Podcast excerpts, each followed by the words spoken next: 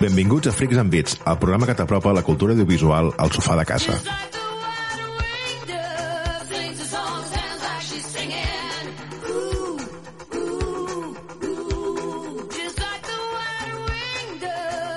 Avui, el sol ben untats en oli, el marcador del partit de vòlei ajustadíssim i amb els nostres músculs boomeritzats, és a dir, la xitxeta, a punt de fer patar les costures de la jaqueta de cuir molona, som Pau Sabés, Bons i aeris dies. Néstor Sart, Bona tarda, Herr Commander. Magí Berneda,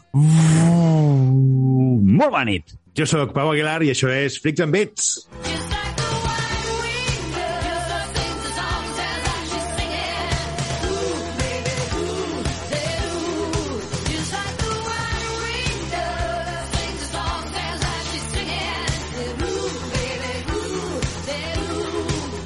Avui tenim dissecció sobre avions, pixelània i videojocs de paraules.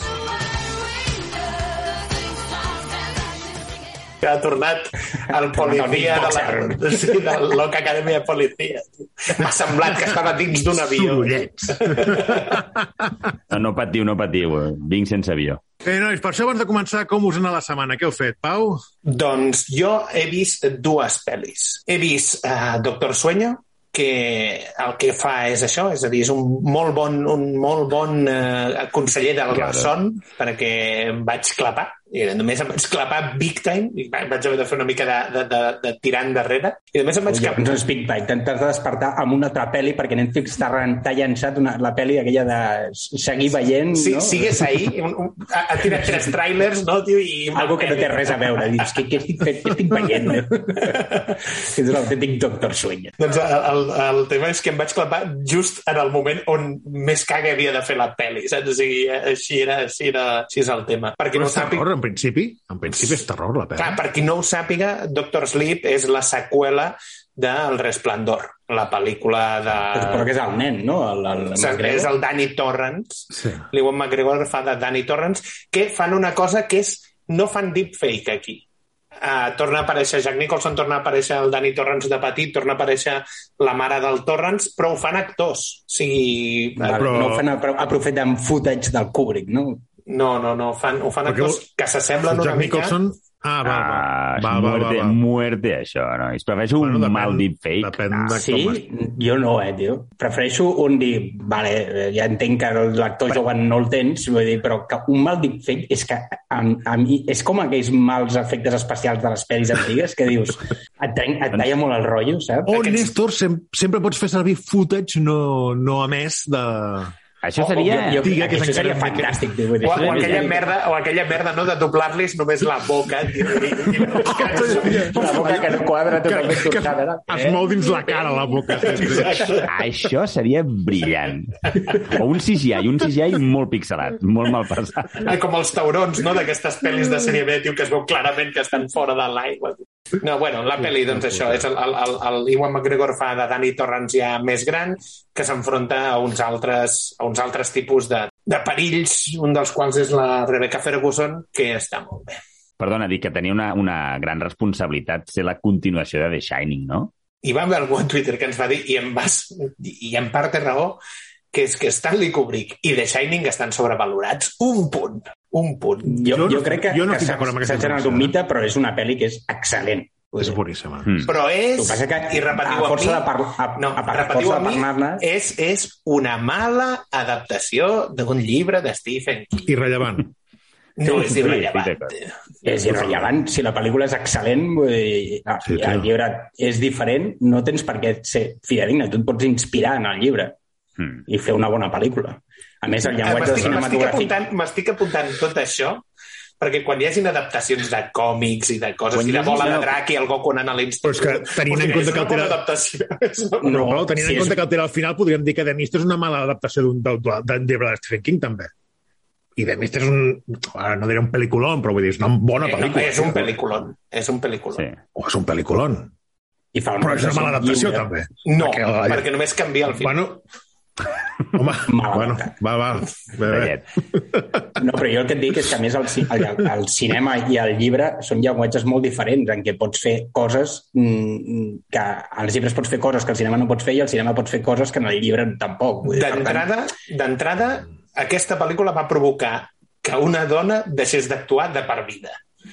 no m'ha estranyat, tio. Després del Jack Nicholson i el Kubrick, tio, amargant-li la vida durant tot el rodatge. Sí, sí. Sí, sí. O sigui, hi ha, hi ha coses... O sigui, Stanley Kubrick, i, i ara em refereixo a Stanley Kubrick, té bones pel·lis... O sigui, no arriba al punt de David Lynch, de David Lynch, deixa-ho ja, perquè el David Lynch hi ha moments que dius ja, ja t'has passat de voltes, però l'Stanley Kubrick a vegades està massa sobrevalorat en segons quines feines. No vull entrar més. És un meló, això, una mica... Sí, ell, deixa, ell llença la pedra i després... Vull dir, Això ho bueno, podem ja anem deixar- a canviar de tema. Ho, ho podem deixar per una, per una batussa a pollastre, si us sembla. Oh, fantàstic, tio. Perfecte. I la segona pel·li que he vist, també a Disney+, Plus, que és Els ulls de Tammy Faye, pel·lícula per la qual la Jessica Chastain va guanyar mm. l'Oscar. Qui va dir Jessica Chastain? Mm. Bueno, ja, ja hi entrarem, ja et posaré les medalletes, Pau. No, no preocupis que tindràs temps per, per, treure, per treure la xorra. Vaig, vaig preparant, tio, el, el passo de l'hombre orgulloso. tio. Molt bé, Néstor, tu què has vist? doncs jo he començat una sèrie que tenia moltes ganes de veure, que era Winning Time, The Rise of the Lakers Dynasty, a Com HBO. no, tio? Mm. Eh, És la sèrie feta per i per al Néstor. Sí, bueno, té, té, bueno estic, estic començant, eh? encara he, he, vist, he vist tres capítols i, i encara no han entrat al tema basquetbolístic purament, o sigui, encara estem en el procés de que... És, és una El- sèrie que al, al, al, al Magí no li agrada gens perquè els actors no s'assemblen no, a, a les persones reals i això el treu, tio, igual que, que No, Doctor s'assemblen Sleep. molt. Màgic és igual, tio. És màgic. Estan bastant aconseguits. Tots estan bastant aconseguits, eh? Els, els, els personatges. Eh? Doncs, de fet, en aquesta sèrie surt una pel·li de la que parlarem avui. Tornant una mica a la sèrie, de moment m'està agradant. Té, eh, té eh, aquesta manera de filmat que intenta recrear aquell, aquell, aquell to una mica vídeo, però va entrant i sortint. Eh, jo crec que a nivell eh, artístic és, és, és interessant. Té molts punts també és de trencar la quarta paret i parlar directament a l'espectador, que hi ha alguns punts, hi ha alguns moments que és divertit perquè el propi el, el propietari, el que compra els Lakers, doncs va jugant a... està en unes negociacions i ell està parlant una cosa i mentre després et parla directament a l'espectador i, i diu el que realment el que Estava realment pensant, sí. la situació és, no? I hi ha altres punts que encaixa menys eh, i que es fa una mica potser excessiu a la- aquest recurs, però de moment estic trobant interessant i tinc ganes ja de que comencin a entrar a la recreació de partits, al pique amb la Rivert i, i tota aquesta història que, que pels que hem sigut una mica basquetboleros i NBAs, tinc, tinc ganes ja de- de- de- d'això i veure com ho han fet. S'està fent com molt, no, això, ara, trencar la, la, la quarta paret, en comptes de la típica veu en off que t'explica si hi ha algun... s'està, potser ja Sí, no? Excedint. Una mica, no? Sí. Com a, com a recurs eh, et permet fer aquesta, una mica aquesta expressió del pensament del, del, dels personatges que Clar, quan ho manera... fas en un biopic d'aquest tipus va molt bé perquè de vegades t'expliquen coses per, per a sobre i tal. I ara ja... Però és, és, és complicat, eh? perquè és un recurs que, que al final es pot fer cançó. pesat, sí. Sí. Ja, ja em diràs, Néstor, no sé què tal la punta, sembla que estàs content, però serà molt difícil que, que passi per davant de les dents, eh? No, jo crec que és impossible. Vull dir, jo, Impossible, el que vaig gaudir amb de... No, no, el que vaig gaudir amb de les dents crec que no ho heu dit- gaudit amb cap altre format d'aquests així mm, tipus documental i tal. Va ser brutal. Vull dir, era com o sigui, la millor sèrie feta... en- quan facin un en les dents, quan facin un les dents de Messi, aleshores sí que... Sí, però és que crec que... Bueno, potser sí, potser en suspèn. Ja, ja, a més, ja han fet alguns formats d'aquest tipus. Van fer el Match Day, que Sí. entraven dintre el vestuari, els anaven Doncs seguint, i va haver-hi la païssa que ens va fotre el Liverpool i tot això viscut des de dins. Però clar, Però- això, el tema és, li han de donar temps que les ferides cicatritzin i aleshores d'aquí 10 anys un Last Dance amb Messi... Que es pugui parlar de, jo què sé, de, de, de, del, en aquell moment com ha marxat sentia, del Barça... En aquell, sí, en, aquell de... moment, en aquell moment hagués matat a Koeman, saps? O, Sí, en o, aquell Bartomeu jo què sé, o Boludo, porta, no? no, no, I- em va baixar, em va baixar venut la porta, vull dir, Sí, sí, sí. aquestes coses que es puguin dir amb, la, amb el temps no? i la, les coses de que ja no siguin una cosa candent i que la, la gent pugui parlar obertament del tema, crec que sí que pot ser, pot ser xulo, però és que jo de les lents, ma, o sigui, per mi va ser sèrie de l'any. Molt bé, Magí, tu què has vist? O jugat? A veure, començo pel que he vist. He vist, he començat, i està desactualitzada, un parell de capítols de la sèrie aquesta que al Néstor li va agradar força, del The Flight Attendant. Trens. no, The Flight Attendant, Plats de la, Ah, sí. de la Kai, Kyle Coco. Eh, i, i bueno, m'està agradant. És, eh, de moment, eh, com està feta i com apunta i tota la temàtica i com està enfocada, és, és, Estàs, és bé. a, a, a, quina, a quina alçada estàs de la sèrie? Segon episodi. Capi, capítol 2, res, molta taja Ho dic perquè és una sèrie que, que, que canvia molt el, el to del principi al final de la sèrie, Sí. com que muta molt. Sí, això ho fa molt també Pam i Tommy. Sí, Ah, que a mi, o sigui, m'agrada molt més el to inicial que el que Mm. agafen després. Mm. Vull dir, Quan duren els episodis molt- de Flight Attendant? Són llargs, Vint. eh? 40, Ah, sí, llarg. 40, Sí, 40, sí, 40, 45. Sí, sí, el primer episodi és molt fi i la manera com està fet el primer episodi està molt bé, però sí que és cert que va com canviant una mica el format. Bueno, ara estrenaran segona temporada d'aquí poc, aviam. No és una sitcom, no? que trobo que no, No, té cap no, no. tipus de sentit Va, va. que estigui en segona temporada. No, no entrarem en spoilers, però que no té cap sentit fer una segona temporada d'aquesta sèrie, però... De, de fet, l'hem començat a veure amb la meva dona una mica per això, perquè s'estrenava la segona i ens feia gràcia. És una de les aquestes que teníem pendents. I d'altra banda, també he estat jugant eh, aquí a casa al Gran Turismo 7 i ja m'he passat la, el que seria la, el modo cafè, era aquell... No, no, no m'he passat tots els tornejos. amb els 10 milions de crèdits infinits que t'han donat, No, no? no, sabeu- sabeu què estic Ha sigut fent? un passeig de roses. com que et regalen, per cada victòria de més que fas, et regalen uns tíquets que, que els, els pots gastar en el, el, en el teu garatge, que és, és una ruleta tonta amb, amb 5 o 6 objectes, entre ells pot haver-hi cotxes o molta pasta, i sempre, però quan dic sempre vull dir 95% o més de vegades que, Et que toca el llançava... Bugatti Veyron. No, no, et tocava... El, la, sempre hi ha una petita quantitat de pasta, sí, que són 5.000 crèdits. Això és el pitjor que et pot tocar. Doncs us, us prometo, eh, si he llançat eh, la ruleta aquesta, és el que et dona uns, uns, uns butllets, unes, uns butllets, un, com es diu, joder, uns fut- Tiquets. Uns cupons, uns tiquets, cupons. uns cupons. Si n'he tirat, jo què sé, 15 o 20, crec que, di, si són 20, 18 m'han sortit això. Eh, No us podeu imaginar la ràbia que sento. I això té a veure segurament amb, els, amb la política antiga del, del, del Yamauchi, que realment està fotent aquesta història de que no guanyis molta pasta. Però diuen que hi haurà una actualització, en aquella màgica actualització, que crec que això ho ajustaran. Que I m'estic guardant ja no hi haurà Però si ni ja t'han untat diverses vegades, Magí. No, no, no, no, d'aquest no. queixes, tio. tots, home, va, tots, tio. tots els tiquets que, que, que des de que em vaig rabiar al màxim els tinc guardadets, en tinc 15 o 20 per gastar, Fins que fins que no sigui aleatori real, no, no els gastaré. Més els 20 milions que et van regalar, tio, per no fer res, tio. Gran Turismo és, és Gran Turismo 7, no? I el DLC es diu Pants Down to the Knees. I, i, i, i res, i el, i el tren amb la Switch, el Kirby, que l'estic gaudint meravellosament. Molt bé, Pau, i tu? Jo, dues coses molt ràpides. Primer, eh, una cosa serà un consell. bueno, són dos consells, una perquè la mireu i l'altra perquè... Beveu no aigua si fa calor, no, tio? Beveu aigua. Hidrateu-vos, important. Cosa perquè ni us hi acosteu. Uh, Girl on the Third Floor, pel·li de terror nord-americana 2019. Només us dic que està protagonitzada per un actor de... Oi, un actor, perdó. Un, un, bueno, ara és actor. És un exlluitador de MMA ficat a actor.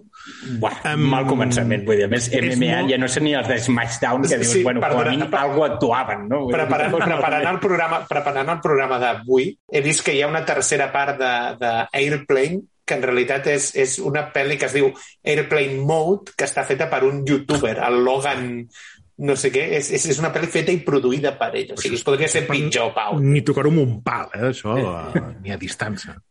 Bé, doncs la, la pel·li aquesta que us dic, eh, del 2019, típica pel·li de fantasmes, eh, casa amb manifestacions estranyes, i a partir d'aquí es desenvolupa una història que està bastant trillada, amb la qual cosa, si aneu sumant el que us he dit, doncs això, ni us acosteu, no val la pena. El que sí que val molt la pena, i sé que vaig estar també amb això, m'he mirat dos capítols de Movies That Made Us, m'he Uh, mirat eh, el molt de Ghostbusters i el de Die Hard, i m'agrada molt, no només pel que expliquen, que és molt interessant tot el que expliquen, sinó per com està fet, perquè van enllaçant conyes brometes mm, el, el narrador amb, amb els protagonistes del, sí. del, amb els guionistes, especialistes, tot això. Amb aquelles merdes de perquè el guió estava llest. Perquè estava llest, no? Sí. I... Sí, sí. Les conyes aquelles que fan amb el, amb el John McTiernan, que no, es veu que no somriu mai. Dir, res, res el fa somriure.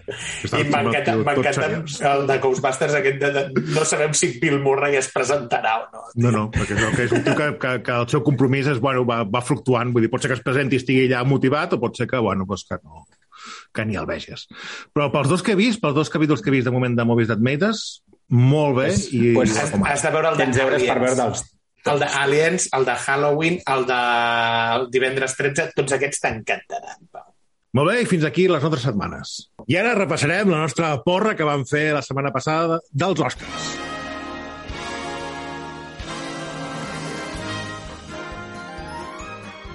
Aviam qui ho aguanta, això, nois. Bueno, Pau, eh, comen, eh, comença ja a posar-te medalles. La, la turra, tio. Sí, tio. Eh, us he bufetejat com Will Smith va bufetejar Chris. Em sembla que estar, acabaré tan saturat d'aquestes medalles igual que de la bufetada de Will Smith. El tema està en què, el tema està en què Tammy Faye, Els ulls de Tammy Faye i El mètode Williams són dues pel·lícules que s'han produït ells mateixos, o sigui, són dos pel·lis que estaven fetes perquè guanyessin els Oscars. Això per una banda. Vaig veure el Blai Morell, que el tio la va clavar tant eh, prèviament, i això vol dir que estan perdent ja la frescura i l'espontanietat. O sigui, que realment si És tu molt previsible. El... comença a ser previsible certes És com, el, coses. és com el nostre amic Joan Martín i Eurovisió, no? que no té cap gràcia mirar-ho, perquè sap perfectament tot el Bueno, que... bueno, espera't el un que moment. agrada, el que no. Ma- ma- No ragis, Magí, perquè potser, potser fem alguna cosa amb el Joan Martín i Eurovisió. Jo ho deixo anar. Molt bé, m'agrada, m'agrada. Ho segueixes intentant-ho i jo ja et dic que no, no em convideu, tio, en aquest, en aquest programa. Tio. Directe, diversos dies, diverses hores, tio. Se seguiment Jo porta a vindré- porta, tio. Vindré només a fer l'odi postal a Eurovisió. doncs això, és una gala i una cerimònia que ha passat desapercebuda totalment perquè el Will Smith va tenir una parada de comptador a nivell èpic. Tots encara estem pensant que serà una conya i d'aquí dos dies sortirà Chris Rock i dirà no, era broma. No, no, no. Se li va aturar absolutament el comptador i... Home, s'ha ja, ja, han dit, ja han dit que hi, ha, hi havia un parell de projectes que tenia Will Smith, eh, Bad Boys 4 i una pel·li amb Netflix que de moment li han, li han congelat. Jo crec que ell no volia fer Bad Boys 4, tio, i ha decidit dilapidar-se la cadera, Excusa. la carrera directament. Jo crec que hem d'estar agraïts de que sigui Bad Boys 4 el que s'ha suspès, tot i que realment també et dic que no, no, tampoc ho entenc, això, eh, realment. El que, que Tenint en compte que ells dos ho han No, arreglat, Sí, però jo crec Jo que en- aquí hi ha, hi ha un tema comercial. Vull dir, de que òbviament hi ha Will companyies Smith que no volen de ser que una les co- diguin amb segons quins comportaments... Sí, però que, clar, hi havia gent que deia se li ha de retirar l'Oscar. Miri, Roman Polanski se li va entregar l'Oscar a distància perquè el tio tenia acusacions de pederàstia als Estats Units. Sí, sí. Harvey Weinstein té 81 Oscars. 81. No, no 3, 81 Oscars i els té. Sigui, aquí no se li ha retirat res a ningú. Mel Gibson igual. Mel Gibson també va tenir una època que va tocar fons i que també va estar fent liadet esparda i també té un Oscar. O sigui, que li, declaracions anti, antisemítiques i... i antinegres i, i, i el Sí, sí, sí, sí, sí. Aquí, Sí, sí, sí. el de retirar l'Òscar, el senyor s'ho ha guanyat i l'ha pagat perquè s'ha produït la pel·lícula que se l'ha feta per ell mateix. La resta, els americans també són molt puritans en certes coses, eh? Que no s'hauria d'haver pagat, oi tant. Que si li hagués Trobo que cridat... és, que és totalment fora de lloc. Sí, però si li hagués cridat, si li hagués cridat des del seient que li crida després, Sí, eh, llavors cap No, no, és que ni això. Jo crec vull que si no li hagués dit res, però res, del tema aquest de la, de la malaltia de la jada o del que sigui, no, és que no se n'hagués parlat. O sigui, no hi és que hagués jo crec que cap, no, no, o cap sigui, la polèmica de res. ja, ja n'ha parlat moltes vegades. Jo crec que no és un tema tabú. També. Jo Sí, crec sí, que sí. simplement és una broma que no li va sentar bé amb ella i, i, i ell se li No, va. Jo, jo crec que, jo crec que crec que hagués quedat que... com un, com un senyor si s'hagués guardat allò, Sí, s'ho sí, hagués sí. guardat allò ben guardadet i quan fas el discurs de l'Oscar fots Ah. un discurs d'aquests de, saps, de llançant un parell de pollites al Chris Rock de no sé què i tal i, i, i defensar en paraules dir, en un moment en què tens el foc posat hagués quedat com, a, com, com perquè és que a sobre, a És sobre que jo les crec que seves... llavors queda clar que, que el que és que és... eh, Jo crec que és una broma de mal gust del, del Chris Rock. El que passa és que la broma de mal gust del Chris Rock queda eclipsada perquè després el tio s'aixeca, va allà i li fot un galleto, saps? Vull dir... Però és que a sobre el problema està en que quan fa el discurs de- de- d'acceptació i intenta fer la, la, la, la demanada de perdó ho empitjora encara més. Sí, sí. Encara Sí, em a mi no m'agrada gens. Sí, sí. Ho empitjora encara més. Però bueno, és igual. Total, que de, de 4 n'he encertat 3. Total, que, que, que, Això és en resum, no? Resum, sóc en puto amo, vinga. Cap a casa, no? Fins aquí la porra. Bé, fins aquí el resum de la porra dels Oscars. I ara comencem la dissecció sobre avions.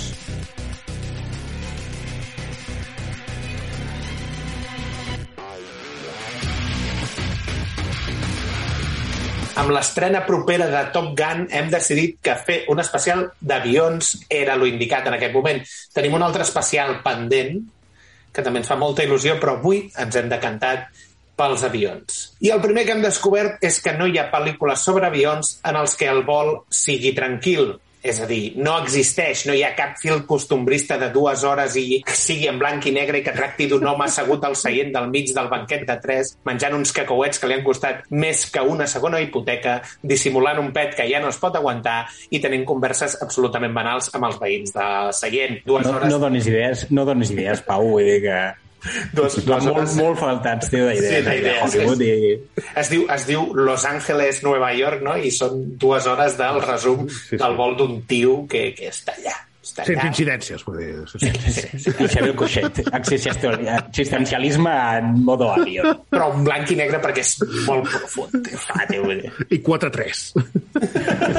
que ara és la nova moda. La seqüència. El públic vol mandanga. El públic vol panem en quirquenses. És a dir, aquí els avions tenen dues opcions. I les dues opcions que porto són les dues categories. On els avions volen o on els avions no volen.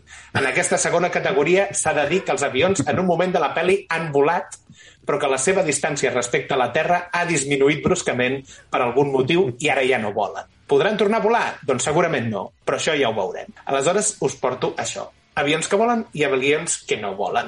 I com el Magí sempre em demana, he fet algo especial per ell. D'entrada he triat jo les 10 pel·lis, vosaltres no sabeu quines pel·lis hi ha. I segona, l'argument de les pel·lícules l'he adaptat a, a, a mi. O sigui, allò que el Magí diu... Fantàstic. És una adaptació. Traducció, traducció passada per la filtradora i traductora de Ah, Fritz. exacte. I començarem amb la pel·lícula de l'any 1986, òbviament, Top Gun.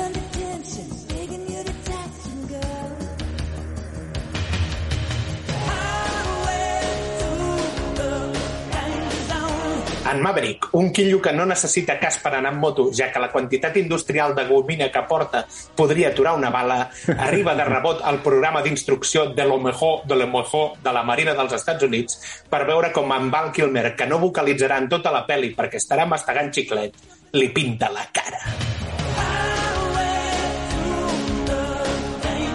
I m'he deixat de dir diverses escenes homoeròtiques de, de pel mig. Escenes de, de, de diàlegs a la dutxa només amb una tovalloleta. De, ai, això és una tovallola de mans, no? Sí. O tapant-se les vergonyes allò... Lleugera. Això és una, una escena de los otros dos, tio, sí, sí, hi ha un moment que estan a tot el vestuari de la policia amb una tovalleta en minúscula. I hi ha un moment que li diu, i això és una tovallola de mans. Sí, té raó. és fantàstic. Aleshores tenen l'escena aquella de voleibol i com ja vam fer en el, en el Twitch d'aquesta setmana el gag aquell de, de, de segur que això no és una pel·lícula eròtica, tio, perquè homosexual. De, Puedes tener mi cola cuando quieras, tio. I- Maverick is coming hard. és una pel·li que, que és... Bueno, no hi ha... És del malaurat Tony Scott, que sap molt bé fer aquest tipus de pel·lícules. Té Crimson Tide, també, que és un pel·lículon, en té diverses d'aquestes que són molt bones, amb el Tom Cruise, el Tim Robbins, que és el Merlin, és a dir, el, el que és el, el que acaba sent el seu operador de ràdio al final és el Tim, Tim Robbins? Uh, hòstia, abans de fer pel·lis, oh la la. abans, de, abans de fer pel·lis nos estamos cargando el planeta con el calor. Per cert, has vist Alta Fidelidad? El paper que fa el Tim Robbins en aquella pel·li és fantàstic. És un, un, un hippie, tio, amb cua, és, és brillant. Val Kilmer, òbviament, el Tom Skerritt, l'Anthony Edwards, que és el Goose, i el Michael Ironside, etern secundari, que el podeu conèixer com el Richter, de Desafío Total, o el Rorschach, de, Starship Troopers. Què us sembla aquesta pel·li, nois? Ha- Habéis perdido la noción de l'amor, també, vosaltres? Home, és una pel·li icònica del cinema, molta testosterona... I zero combat aeri I és, real. i és, sí, això és el que... Crec que en aquesta nova versió que faran, crec que és la gran aportació que faran segurament serà aquesta. Mm, Per lo més, crec que la nova serà una història una mica repetida i un refregidet, una mica mm, redundant sobre els mateixos conceptes, que potser, potser ens sorpren, sorpreni, no? Eh? Però Tots estarem esperant la frase Maverick, tu boca extended, que es que tu cuerpo no puede pagar. Oh! Seguim. Pel·lícula de l'any 2016 dirigida per Clint Eastwood, Sully. One rolling back. We got them rolling back.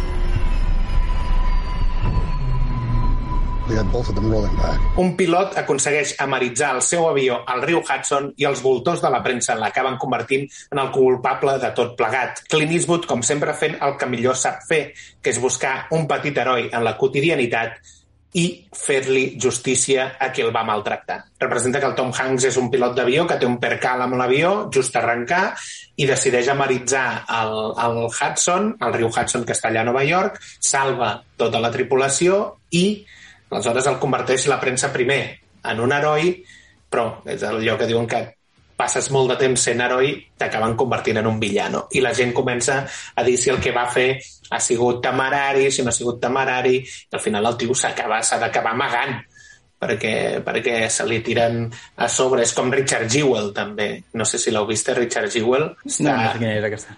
És una sobre les Olimpiades d'Atlanta. És d'un tio que era un Yeah. guarda de seguretat que va descobrir una bomba, un artefacte Ah, explosiu, vale, sí, sí, sí, sí, ja sé quina vols dir. Sí, sí. i Aquesta se li és acaba, nova. i se li, sí, sí, se li acaba girant en contra. O sigui, se li acaba... El tio salva vides i l'acaben acusant amb ell d'haver posat la bomba per cridar l'atenció. Clint Eastwood ja ho fa molt, això de, de defensar tios que en el seu moment se'ls ha maltractat i en realitat són herois quotidians. I en aquest Llavors, la, cas... pel, la, la pel·li de Sully comença amb el- l'alterca- amb l'incident i, i, i va sobre el, el que passa després. Va sobre el Sully, precisament. Va sobre ell. Ja, ja. L'incident l'incident del copilot és l'Aaron Eckhart, el dos cares, Oh! I, i la dona, i la dona d'ella és la Laura Ligney, i aleshores t'expliquen això, com ell salva el dia i aleshores se li, se li gira tot. El linxament posterior, una mica. Entrem a una pel·lícula que li encantarà al Pau Aguilar, però no, una, no, no com una altra. Aquesta li agradarà, però no tant Que, com la que següent. m'agrada més. Pel·lícula de l'any 1997, Air Force One. Listen to me. You know who I am. I'm the President of the United States. Don't think that means I don't shoot you. un Gary Oldman absolutament desaprofitat segrestarà l'avió del president dels Estats Units amb el nom de mulà més fort de la història del cine, James Marshall. President James Marshall ja és aquí tiene usted mi voto. Va ser, va ser el president del Néstor en el famós programa sobre presidents que van fer. Correcte. A les, I- les eleccions de Freaks and Beats, Correcte, sí, amb els millors presidents. I que resulta ser un psicòpata, de fet. Perquè és capaç, és capaç de carregar-se tot un grup de terroristes ultracomunistes russos. No, només amb el que té de la, del, del, del carrito aquell que porten les La hostesses. forquilleta, la forquilleta i el ganivet de plastiquete, tio, que, que se't trenquen tallant una mica d'hamburguesa, doncs el teu aprofita per tallar-te la yugular. Amb l'oliva de l'amanida, no? Tot de terroristes ennuegats.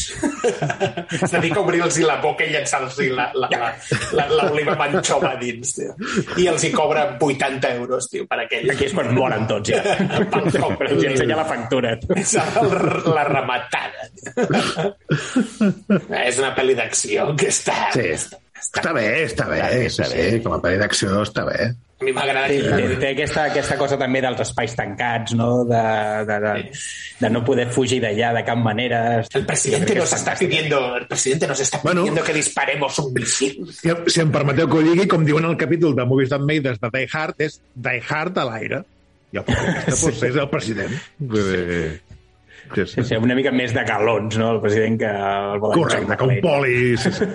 Sí, però, però, però estan, aquí és tot de penya desaprofitada. Gary Oldman, Glenn Close... O sigui, és, és tot de gent que, que, que van allà a, A fer cameos. Sí, a cobrar, tio, directament. La següent, que us porto ara, també li agradarà molt al Pau Aguilar, però no tant com una altra que porto més endarrere. Pel·lícula de l'any 1997, també, Conner.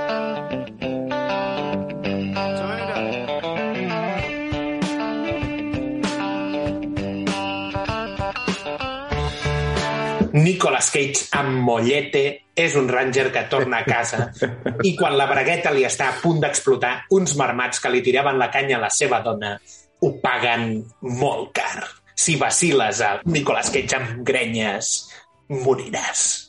Will Smith, no? Sí. Oh, repartint. Tenim el nostre amic Cameron Poe a la presó i quan per fi aconsegueix la llibertat el traslladaran amb l'avió que transporta els assassins més sanguinaris del món, a Dràcula, a Adolf Hitler i a Casemiro del Real Madrid. Òbviament, la cosa es lia i en Nicolas Cage, amb l'ajuda de John Cusack amb sandàlies, ho arreglarà tot. Pel·lícula d'acció que és Die Hard en avió novament. I... És actorazos, eh, tio? O sigui... Sí, sí, aquí és Nicolas Cage, John Cusack, John Malkovich, el, el Buba, que és el Miquel Lee Williamson, el Renault Santiago, el, El Bing Rhymes que venia d'un Pulp Fiction. Bing Rhymes, Steve Buscemi, el Danny Trejo... Sí, Buscemi i Malkovich m'encanta el paper que faran en aquesta pel·li. tio. tiene todo el mundo. En sus manos tiene el I sí, aquest, vull dir, aquest personatge, ja tota l'entrada que li fa l'escenografia aquesta que va el tio allà amb el morrió, amb un pal, tio, que el va enganxen dins de la gàbia. Per ni acostar-se, vull dir... Sí, sí. I, i, Els propis, que els propis psicòpates, els propis psicòpates li tenen por, tio. Sí, sí, però que a més estàs tota la pel·li dient, buah, quan aquest tio se li vagi la olla, això serà, però una, una carnisseria. I es manté tota la pel·li en aquell punt eh, de que no, no acaba de... Però que tota l'estona estàs amb aquell neguit quan està amb la nena és, buah, aquella, l'esgarrifança d'aquell- d'aquella d'aquella trobada eh, Totalment. vi- visualitzant el que pot passar és, és, és de lo millor de la pel·lícula. Sí, sí. Que el reconeix, que reconeix una que està malalt, vull dir que... Sí, sí, diu, no, no, no, Sí, sí. no hi ha cura pel que jo tinc. I que t'explica, minuts abans t'ha explicat que va creuar tres estats amb el cap d'un nen, precisament, tio, com a barret.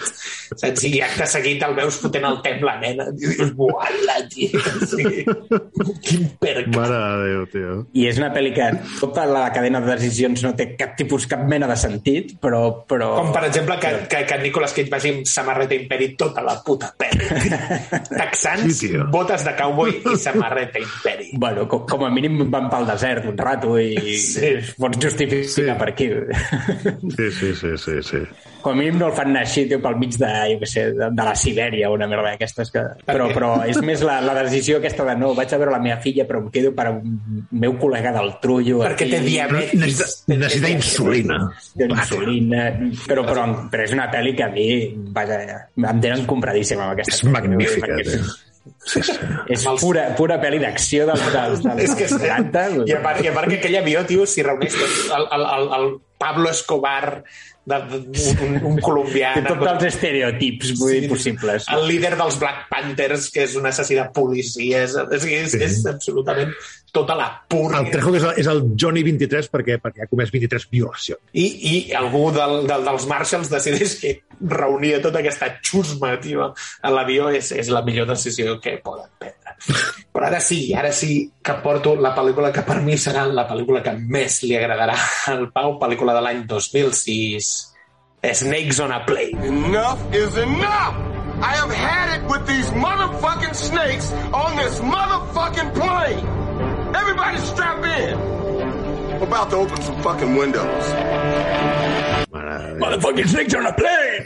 un agent federal interpretat per en Samuel motherfucking L. Jackson ha de traslladar un testimoni protegit per acabar amb un mafiós qui l'intentarà eliminar deixant anar una quantitat ingent de serps verinoses a l'avió que va des de Honolulu fins a Los Angeles. I surt El Zapataki. Una pel·lícula que té... Si Conner tenia poc sentit, aquesta encara no en té A més, té, té d'aquests animals superdotats, tio, i malèfics que sempre van a la jugular allà... Són, són Ja veus, la, la serp ja, ja, té odi als seus ulls, la serp. Tio. Estàs ja, veient que ja, està calculant la millor manera tio, Sí, sí, sí, per sí. colar-se allà. Que T'està esperant aquests giris per llavors mossecar-te per darrere. Perquè et vol espantar. Abans t'espantarà.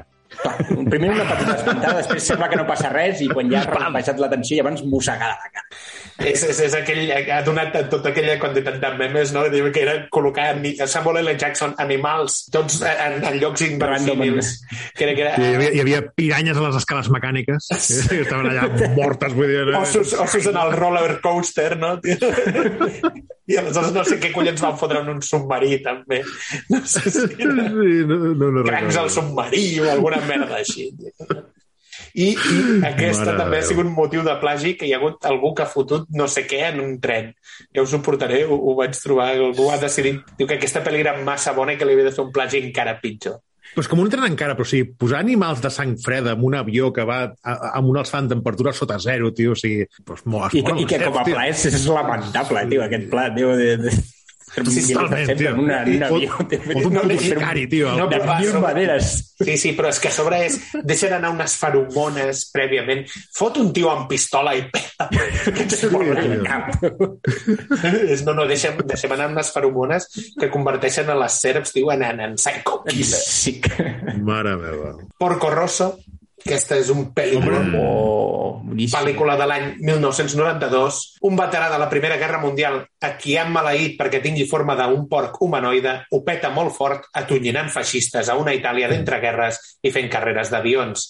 És un, és un anime del Hayao Miyazaki que és això, és, és un pilot d'avions en forma de porc. Si no ho heu vist, eh, i segurament no tingueu la nostra edat. Si teniu la nostra edat, sabeu què és Proba Porco Rosso. probablement sí. Molt Però jo crec, que, jo crec que es pot veure ara tranquil·lament, aquesta pel·li. I tant, Sí, i tant. de problema.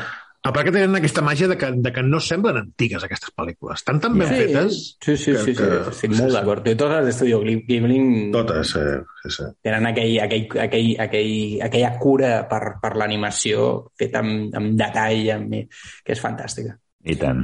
Com a detall així curiós, la veu del Porco Rosso en anglès és la del Michael Keaton.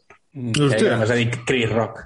Chris, no, no, Chris Pratt, vols dir. Chris, Chris Pratt que està fotent veu a tot, ara a tot. Hòstia, Ets a tio. mi a Mario, soc el Garfield ara també, tio. I ara, per fi, sí, pel·lícula de l'any 1980, que aquesta sí que és la preferida del Pau Aguilar. Hòstia, la secció preferida del Pau. eh? Sembla que l'hagi fet jo. Airplane, o com la van titular en el seu moment aquí, Aterriza como puedas.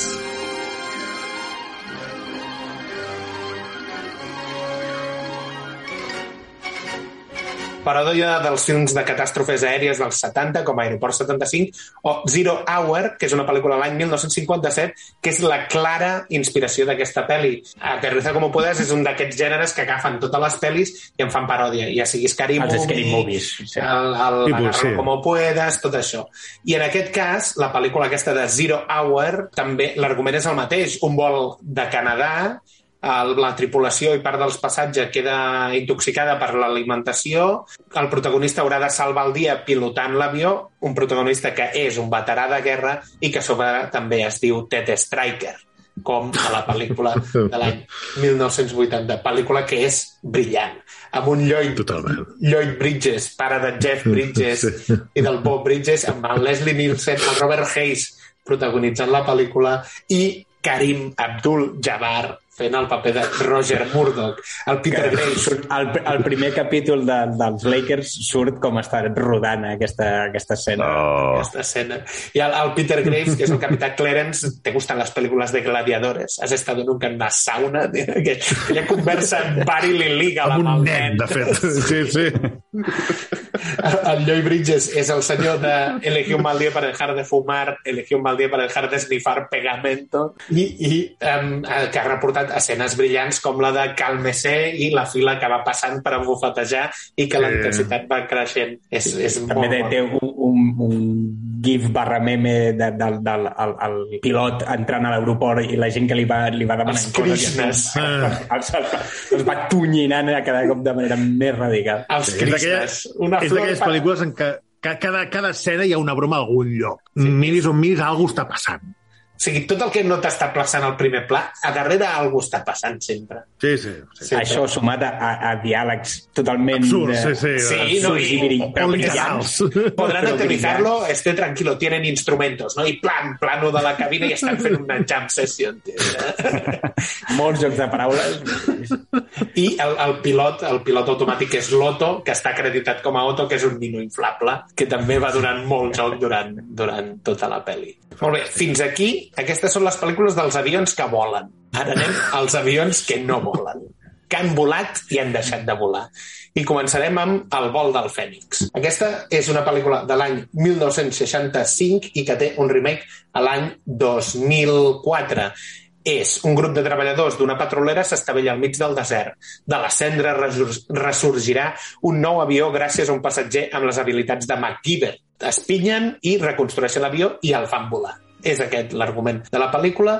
Una d'elles, la primera, protagonitzada per James Stewart, Richard Attenborough, Peter Finch, Ernest Borgnine, o sigui, cartellot, i quan van intentar fer el mateix l'any 2004 van agafar Dennis Quaid, Miranda Otto, Tyrese Gibson, Giovanni Ribisi, Tony Curran.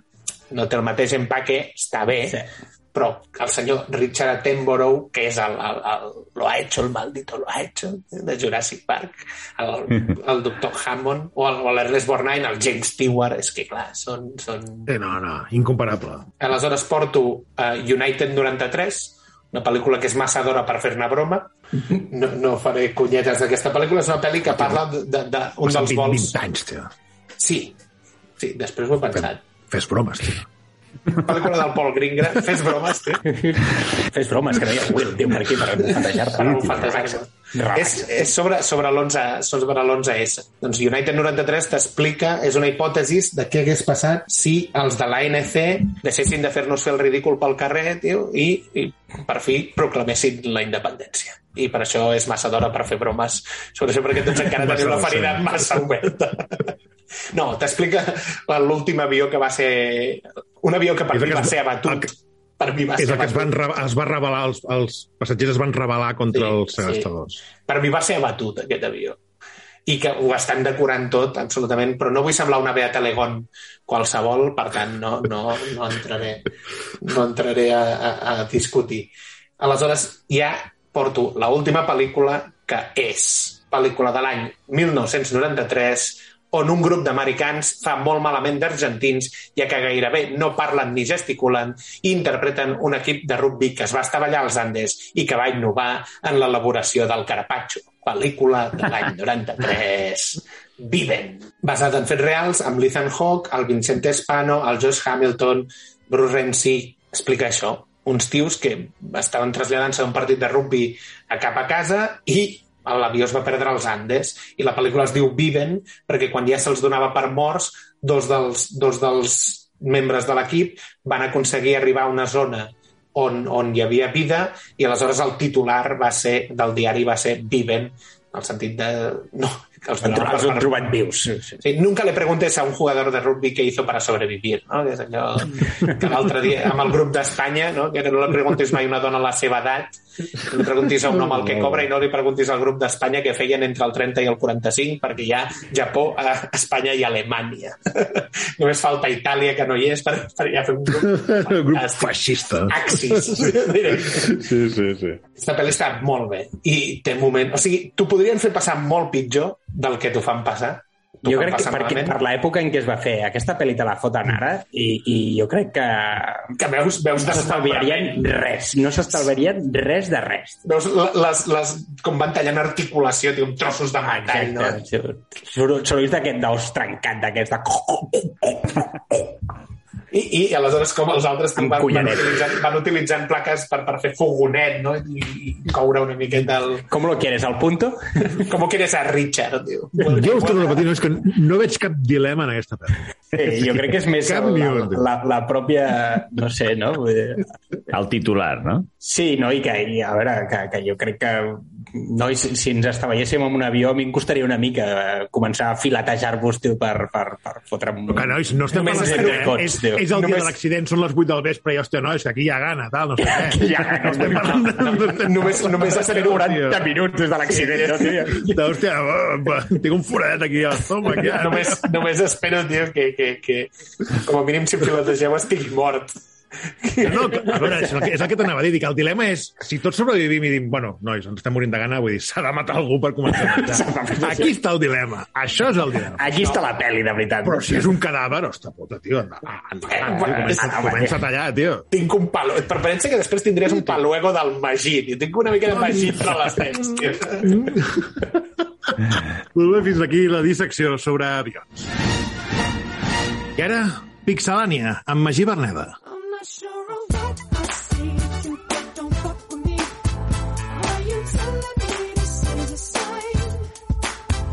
Bé, La única secció sèria d'aquest programa.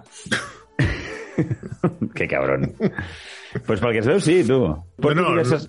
és cert. És, és, és així, vull dir... Sí, sí.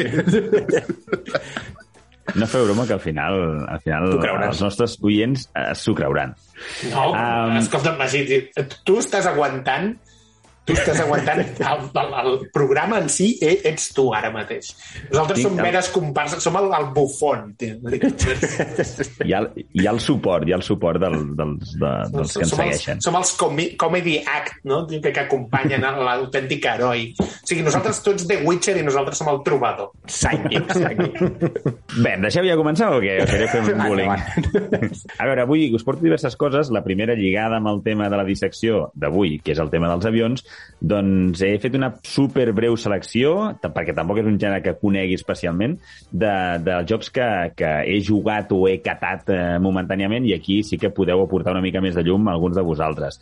D'entrada, dir que a la que he fet una mica de recerca per dir, hosti, així de memòria, n'hi ha alguns que sí que tinc controlats, però altres no, em surten diversos jocs que estan molt relacionats amb avions de guerra de, sobretot, Segona Guerra Mundial. Noms com... Sí que em sonaven, eh, però no els tenia molt, molt, molt ubicats. Birds of Steel, World of Warplanes o eh, IL-2 Sturmovik. World of Warplanes és una mica...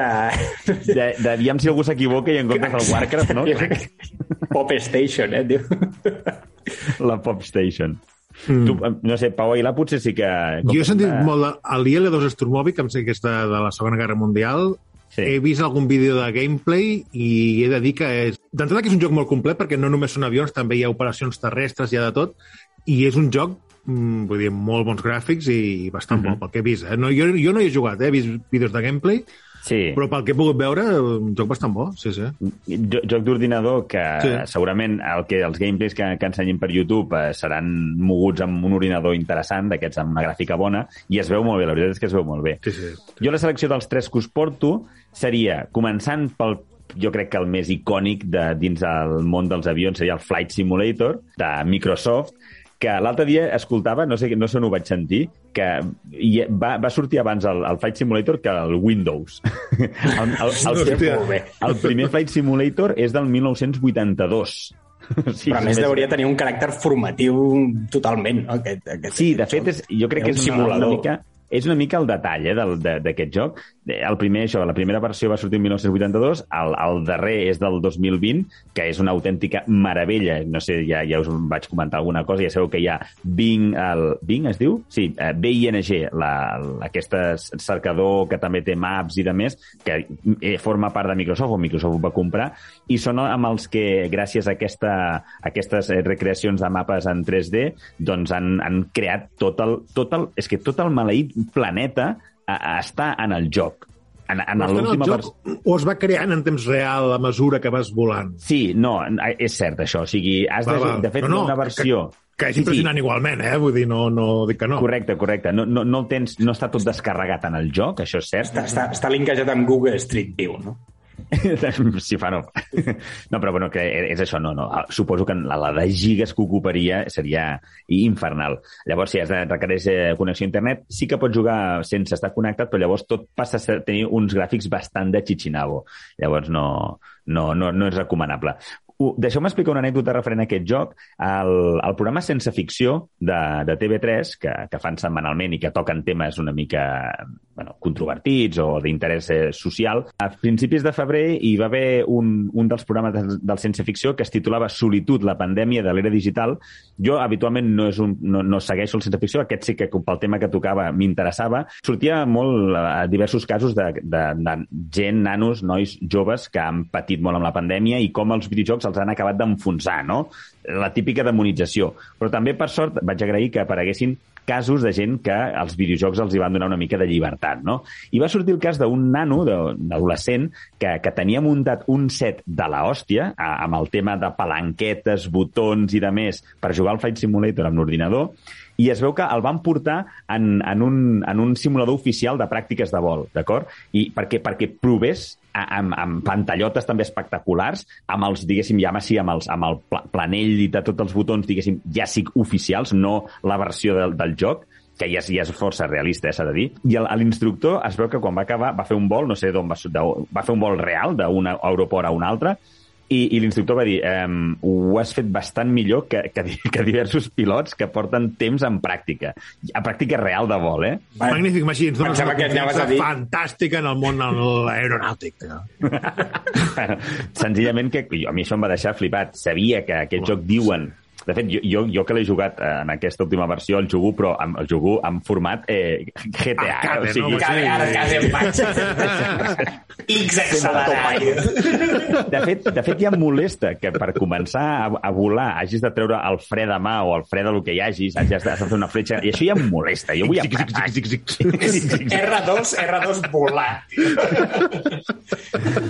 Bé, la- l'altre joc que us porto és el, el Sky Odyssey de, de PlayStation 2, que va llançar-se el 2000, any 2000, acompanyava pràcticament el llançament de la consola de Play 2, i desenvolupat per Cross i publicat per Activision, mític Activision i Sony. He de dir que aquest joc el vaig jugar força i crec que va passar o em va marcar força perquè no era un joc d'acció pròpiament dit, sinó que crec que és la millor, la millor aventura d'avions, on havies d'aprofitar per anar d'un punt A un punt B, les missions era això, anar d'un punt A un punt B, però havies d'aprofitar les ratxes de vent per superar diverses altituds que tu sol amb l'avió no arribaves, la sensació de fer passar per checkpoints, però tot de forma molt, com molt orgànica. És un joc que vaig gaudir molt, i a nivell de gràfics, per ser dels jocs que va estrenar la Play 2, doncs la veritat és que va ser una, una sensació de dir, uau, estem aquí davant d'una nova...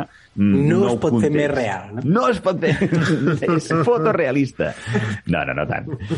I, per últim, no us porto el joc, sinó saga, que seria la saga Ace Combat, de Namco, mitiquíssima.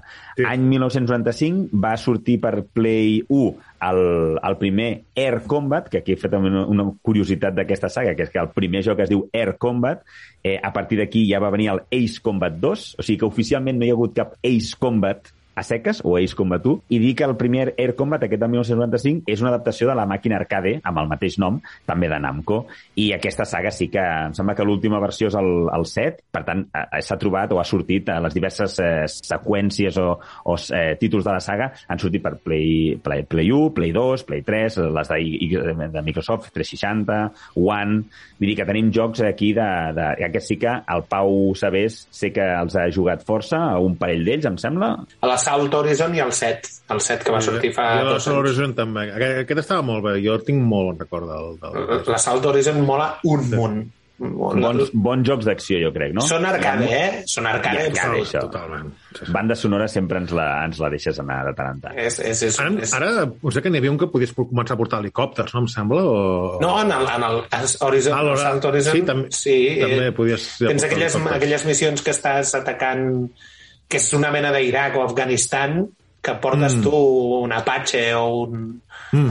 L'Assault Horizon està basat... La història és fictícia, però les localitzacions són reals i a l'últim l'Ace Combat és en un, en, en una, en un món alternatiu, en un món diferent amb, amb ciutats i, i, i, i països amb noms que no existeixen però a l'Assault Horizon sí que era més, més realista. De fet, el, la, la Cula, que és el, el teu arxienemic, russos, sí, són russos. Sí, sí, sí. sí. Bé, i abans d'abandonar aquesta, aquesta petita secció dins de la pixelània dels videojocs de- d'aviació, hi ha algun que tingueu al vostre, al vostre record? Pau, sabés? per PC, joc de l'any 1993, de fet és del 92, però, és del, però aquí va arribar al 93, és el joc que va fer que em comprés el joystick per l'ordinador, que és el Aces of the Pacific, que és un joc que comença amb l'atac de Pearl Harbor i fas tota la campanya del Pacífic contra els japonesos, Midway i tal, i que hi havia una expansió en el que hi havia una realitat alternativa que tu eh, no hi havia hagut les dues detonacions nuclears a Japó i es planificava una invasió a Japó i tu portaves avions i la campanya era el 46 era la invasió a Japó i tu volant per, per, per protegir el, a qui estava invadint el Japó. És un joc que ara mateix el mires i et cauen les retines a terra, però que en el seu moment amb el joystick era, estava allà, Dios, és, és, és tan real, tio, estic notant l'aire a la cara i tot.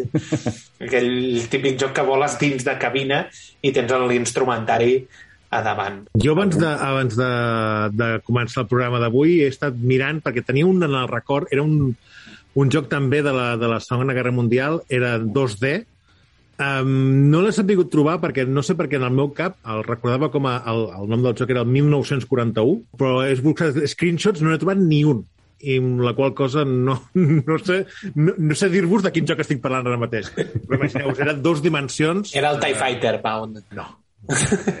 La, la típica vista... Fantàstic. La, la típica vista aèria, Pau. No, no, no, Lateral. era vista lateral, diguem-ne. Ah, lateral, val. Sí.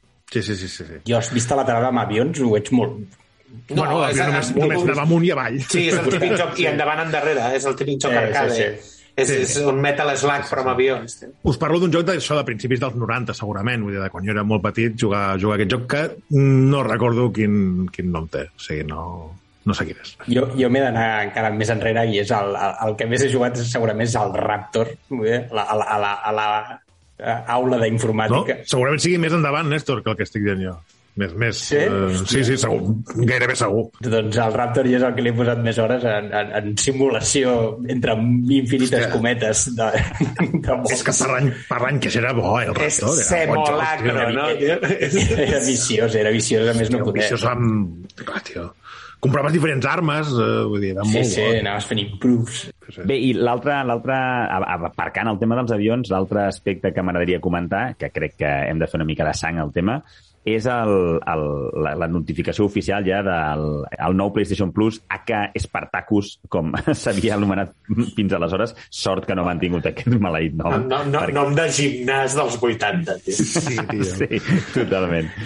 A veure, eh, si voleu, abans d'entrar en detall, i ho faig àgil, eh, perquè hi ha molta mandangueta descrita oficialment, però a veure, anem anem a només simplificar o aclarir que el que s'ha passat és el PlayStation Plus s'ha unit d'alguna manera al PlayStation Now, que seria aquesta versió de jocs en streaming que tenia PlayStation, que estava morint de- morint-se a fàstic. Em sembla que als Estats Units funcionava força bé, eh? s'ha de, de reconèixer que allà la connexió també és millor i encara hi havia, teníem uns quants usuaris. Però vaja, el que han volgut fer és unificar aquestes dues eh, maneres de- d'entendre la subscripció i el que han fet és que al PlayStation Plus ara tenim tres, diguéssim, nivells. Hi hauria el que seria l'equivalent al PlayStation Plus que coneixem que fins ara, és el PlayStation Plus Essential. Us dic el preu, d'acord? Perquè aneu tenint idees, eh, diguéssim, del que et sortiria al mes si compres tot l'any, val? És a dir, és la típica merda que si, si ho compres el, aquesta subscripció un mes, et surt més cara que si quedes l'any i ho divideixes entre 12 mesos, perquè, perquè ho entengueu, eh? Llavors, el PlayStation Plus Essential et quedaria a 5 euros al mes, que és el mateix d'ara, són els 60 euros a l'any. El PlayStation Plus Extra són 100 euros, ara us explicaré què inclou tot això, i equivaldria a 8, eh, 8 euros i mig al mes, i el PlayStation Plus Premium seria la versió més, més eh, completa, que són 120 euros al mes, per tant, 12 euros al mes. Ai, perdó, 120 euros l'any, és a dir, 12 euros al mes, d'acord? O sigui, 5 euros, 8 euros i mig i 12 euros. Llavors, la versió més barata, 5 euros, el que t'inclou és el que ja sabem, el que hi ha, PlayStation Plus. Aquí no entro en detalls perquè és això, et regalen, et regalen, regalen aquests dos jocs que només els pots jugar mentre estiguis pagant la subscripció i et permet jugar online, val? Bàsicament això. De tant en tant, també, com ja sabeu, vosaltres que sou eh, Sonyers exclusivament, doncs teniu la, de tant en tant algun, algun descompte. Sí? A la versió extra, què inclou? Aquí inclou el mateix que el PlayStation Plus Essential, però t'afegeix un catàleg d'aproximadament uns 400 jocs que, segons la web oficial, és els millors títols dels millors títols de PlayStation 4 i PlayStation 5. D'acord? Un moment. Això ho tens... Clar, segons qui.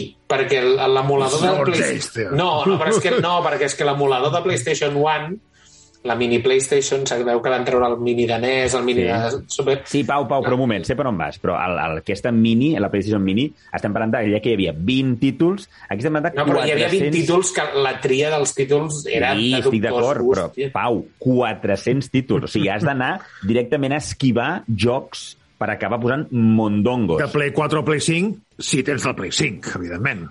Òbviament, sí, Pau, Ah, no. val, sí. no, no. Si tens la Play 4 i et pilles aquesta subscripció, no et porta una Play 5 a casa perquè la, perquè la gaudeixis. Jo compraria... Vale, que em fan un petit downgrade. Vale, però això com la Play 4, tio. Cap problema. Sí, clar, però això, però això no funciona així. Pot, ja està, tio. Val. I per últim, eh, aquesta versió del PlayStation Plus Premium inclou el mateix que la Extra, però a més a més se li afegeix un títol, ai, un, un pack d'uns 340 jocs més, aquests de, de, de les consoles PlayStation 3, PlayStation 2 i PSP. D'acord? És a dir, resumint molt resumint... Que no et donen passant aquí- retrocompatibilitat, però donen jocs per jugar. I no pots Que agafar... si ets un gamer que no, no tens apreci els jocs antics, compra't el pack, el segon pack, tio, no compris el tercer, que no et servirà per res. O sigui, el tercer et servirà només si et molen els jocs retro de la Play 1, Play 2, vale. Sí, jo, jo, jo és el que dic. No sé quanta gent ho farà. A veure, si acabes, si ets molt gamer, i jo ho sóc, eh, però jo eh, prefereixo estar jugant a jocs que van sortint ara. De tant en tant sempre il·lusió jugar a algun joc de Play 1. Hosti, doncs ja, ja monto la Play 1. Pues enxufes la Play que- 1, tio. És que, clar... Clar, és que és això, jo no, no, no pagaré ara uns extras de, al mes per acabar jugant. a- Si tinc, és això, ja sabeu, amb els jocs que... I a més a més, jo crec que el volia comparar amb el Game Pass, eh? I eh, com a gran, gran diferència és aquesta, la PlayStation, eh, Sony el que t'està donant és sobretot... Jocs que segurament ja tinguis. Antics. Jocs que segurament ja tinguis. Quan ja era tens- PlayStation Extra aquest? El, el, el, el Premium és 120, no? M'has dit, l'any? Premium és 120 al, a l'any, és a dir, 12 al mes. I l'extra, Sí. el que dona aquests 400 eh, títols de Play 4 i Play 5, són 8 euros i mig al mes. I jo crec, o sigui, realment, si algú comença a jugar ara, no està gens malament. Perquè No, 400, o sigui, no. és, com un, és No. com un Game Pass de la hòstia, en aquest sentit. El gran problema aquí, que ja ho van dir Sony que no ho farien, és que si tu estàs pagant aquesta subscripció, encara que sigui la Premium, no tindràs el, el nou Uncharted o el nou The Last of Us a dia 1. O sigui, els jocs papinos de les, dels estudis de First Party de Sony els tindràs a 80 euretes, a la botiga, i allà els tindran durant un temps. Que, que potser al cap de dos, tres anys acaben entrant en els packs aquests, potser sí. Però Al cap de dos o tres anys ja han baixat a dos euros i el Pau ja se'ls ha pillat. Vull dir que al Sí. final... Sí. Que, que el, tema, el tema està en que eh, eh, això no està gens enfocat a, no- a, a tios com nosaltres, que encara que no haguem sigut hardcore gamers, el temps fa que hagi jugat a molts dels jocs dels que segurament pengin. I Mm. és, és, És que és, això. jo, jo, o sigui, no entenc a qui està enfocat exactament això. Nous usuaris. Nous usuaris que vulguin pagar un extra per jugar a jocs de Play 1. Si tens, si tens zero jocs en físic avui en dia, et surt a compte. Sí, sí. No has, no Has un hardcore res. gamer molt hardcore per voler-te pagar Sí. aquest extra No, al que, mes que només per amb el jugar tema... als jocs retros. Si comences amb el tema del gaming, et surt a compte. Que ara mateix, ara mateix jugar un que Resident quin, quin preu de- han de tenir aquests jocs, tio, en aquest moment?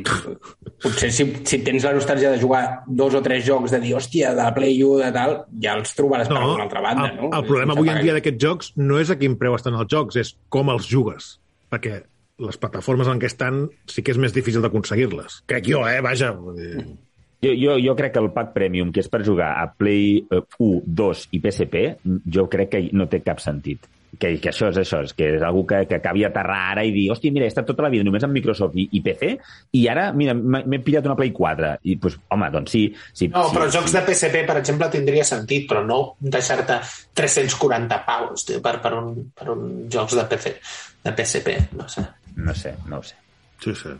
Bé, l'última- l'últim tema, i el deixo aquí però no per entrar-hi, que sou molt fans també de la saga, està anunciat oficialment un nou Monkey Island. Vamos! Return to Monkey Island. A veure què, què surt. M'agrada Vinga, molt Pau, perquè... Pau Rajaeta, va. Ha sigut, ha sigut una mica destrampada, eh, per això, però... però sí. No, no, a veure, ja entenc que són, són els temps que, que corren i ha de ser així. A mi m'hagués agradat, personalment, doncs, que es tornés a l'estil pixel art i aquestes coses, però bueno, entenc que, òbviament, doncs, el món Això ja està està confirmat, eh? Les imatges que són del, del joc definitiu. Sí, bueno, sí, sí, bueno, ho, ho ha Segurament, sí. sí. Estudi. ja el, el, el remaster aquell que van fer fa uns anys Sí. ja era tipus això.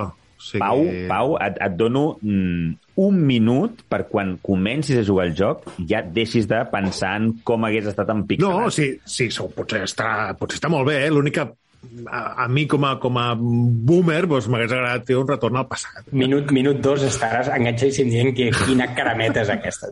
Com amb The Batman, tio, i com amb tota la merda. Molt bé, Magí, gràcies per la pixelània i no marxem de tu perquè ens deus uns videojocs de paraules.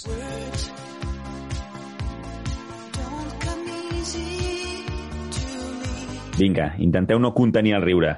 Ai. Sobre el taló hi es veuen dos col·legues, pilots d'avió, que fa temps que no es veien, i un li diu a l'altre, es tanca el taló. Nom del videojoc? Col·lega, on està el meu avió? Eis, com va?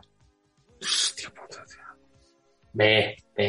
Però Magí és d'aquells que amb el temps anirà, anirà, Anirà agafant- millorant, tio. Anirà agafant S'ha- buquer, no? S'ha de deixar macerar una mica, tio. Sí, no, no, no hi ha, no, o sigui, no és merdes com aquell del Sega Valley Championship, aquest està bé, senzill, fàcil, bé, joc de paraules sense estar recargolat, està bé, està bé. Bé, fa, bé, ok. Trobo, trobo faltar les teves elaboradíssimes eh, introduccions. Trampolins mortals. tio. Oh, sí, sí, sí, sí. I dos d'aquests, col·legues, sí. un pilot, un Un pilot que s'ha de, sí, un pilot que s'acaba de divorciar. Arriba Expo, no? Molt bé, gràcies, Magí, pels videojocs de paraules. Fins aquí el programa d'avui. Gràcies pels sabers. Gràcies i bon dia. Néstor Sart, Gràcies, bona tarda. Magí Berneda Gràcies i bona nit. i un servidor Pau Aguilar. Us recordo que ens podeu escoltar a Ràdio Sant Quirze els dimarts a les 10 de la nit, a Ona 359 FM, dijous a les 10 de la nit, a plataformes digitals com iVox, Podimo o iTunes i també seguiu-nos a les xarxes socials, a, Twitter i a Instagram, arroba FreaksBits. Moltes gràcies.